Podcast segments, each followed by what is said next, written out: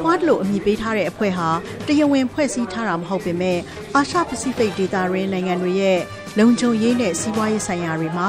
တရုတ်ရဲ့ဩဇာလွှမ်းမိုးလာတာတွေကြောင့်ဖြစ်ပေါ်လာတဲ့တင်းမာမှုတွေကိုစောင့်ကြည့်ဖို့အတွက်အမေရိကန်၊ဩစတြေးလျ၊အိန္ဒိယနဲ့ဂျပန်လေးနိုင်ငံပူးပေါင်းထားတဲ့အဖွဲ့ဖြစ်ပါတယ်။ 2004ခုနှစ်အိန္ဒိယသမုဒ္ဒရာမှာဖြစ်ပွားခဲ့တဲ့ဆူနာမီဘေးအန္တရာယ်ကြီးကြာရောက်ပြီးတဲ့နောက်ပိုင်းရေချောင်းဆိုင်ရာပူးပေါင်းဆောင်ရွက်မှုတွေပြုလုပ်နိုင်ဖို့အတွက်စတင်ဖွဲ့စည်းဆောင်ရွက်ခဲ့ကြတာပါ။အဲ့ဒီနောက်မှာတော့ အဲ့ဒီနိုင်ငံတွေရဲ့ဒီမိုကရေစီရေးစီးပွားရေးမတည်ငြိမ်မှုနယ်စပ်အရေးလုံခြုံရေးနဲ့ကျန်းမာရေးစတဲ့အရေးကိစ္စတွေအတွက်ပါထည့်သွင်းစဉ်းစားခဲ့ကြပြီး2009ခုနှစ်မှာဂျပန်ဝန်ကြီးချုပ်ရှင်ဇိုအာဘေးရဲ့ဦးဆောင်မှုနဲ့အမေရိကန်ဒုသမ္မတဒစ်ချေနီဩစတြေးလျဝန်ကြီးချုပ်ဂျွန်ဟာဝတ်နဲ့အိန္ဒိယဝန်ကြီးချုပ်မန်မိုဟန်ဆင်းတို့ဟာမာလာဘာလို့အမည်ပေးထားတဲ့ Quad လေးနိုင်ငံပူးပေါင်းစစ်ရေးလေ့ကျင့်မှုတွေအတွက်ပါဆွေးနွေးခဲ့ကြပါတယ်။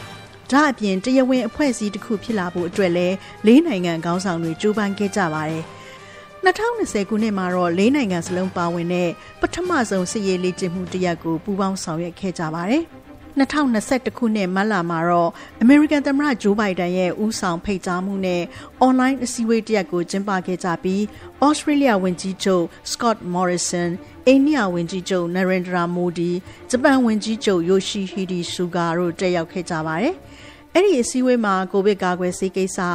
ရုယာတီပြောင်းလဲမှုအရေးဤပညာပိုင်းဆိုင်ရာစမ်းသစ်တီထွင်မှုနဲ့ပူးပေါင်းဆောင်ရွက်မှုတွေပြုလုပ်ဖို့ကိစ္စတွေကိုဆွေးနွေးခဲ့ကြတာပါ2021ခုနှစ်စက်တင်ဘာလထဲမှာတော့ခွတ်လေးနိုင်ငံကခေါင်းဆောင်တွေဟာလူကိုယ်တိုင်တွေ့ဆုံတဲ့ထိပ်သီးဆွေးနွေးပွဲတစ်ရပ်ကိုကျင်းပကြပါတယ်။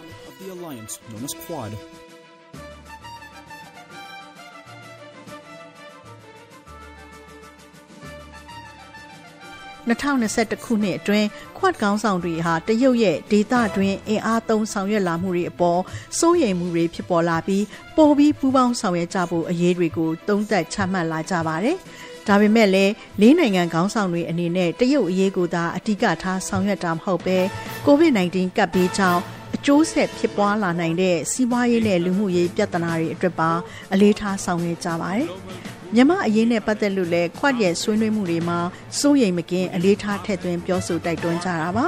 ဒီရက်ပိုင်းတွေအတွင်းမှာပြုလုပ်ခဲ့တဲ့ခွတ်လေးနိုင်ငံခေါင်းဆောင်တွေတွေ့ဆုံမှုမှာလည်းမြန်မာနိုင်ငံမှာအကြမ်းဖက်မှုတွေအဆုံးသတ်ဖို့နိုင်ငံသားတွေအပါအဝင်နိုင်ငံရေးအကျဉ်းသားအလုံးကိုပြန်လွှတ်ပေးဖို့အပြုသဘောဆောင်တဲ့တွေ့ဆုံဆွေးနွေးမှုတွေအတွက်ဆောင်ရွက်ကြဖို့နဲ့ဒီမိုကရေစီကိုအမြန်ဆုံးပြန်လည်ဖော်ဆောင်နိုင်ကြဖို့မိမိတို့ကဆက်လက်တောင်းဆိုပါတယ်လို့သဘောထားထုတ်ပြန်ခဲ့ကြတာဖြစ်ပါတယ်ရှင်။ Thank you.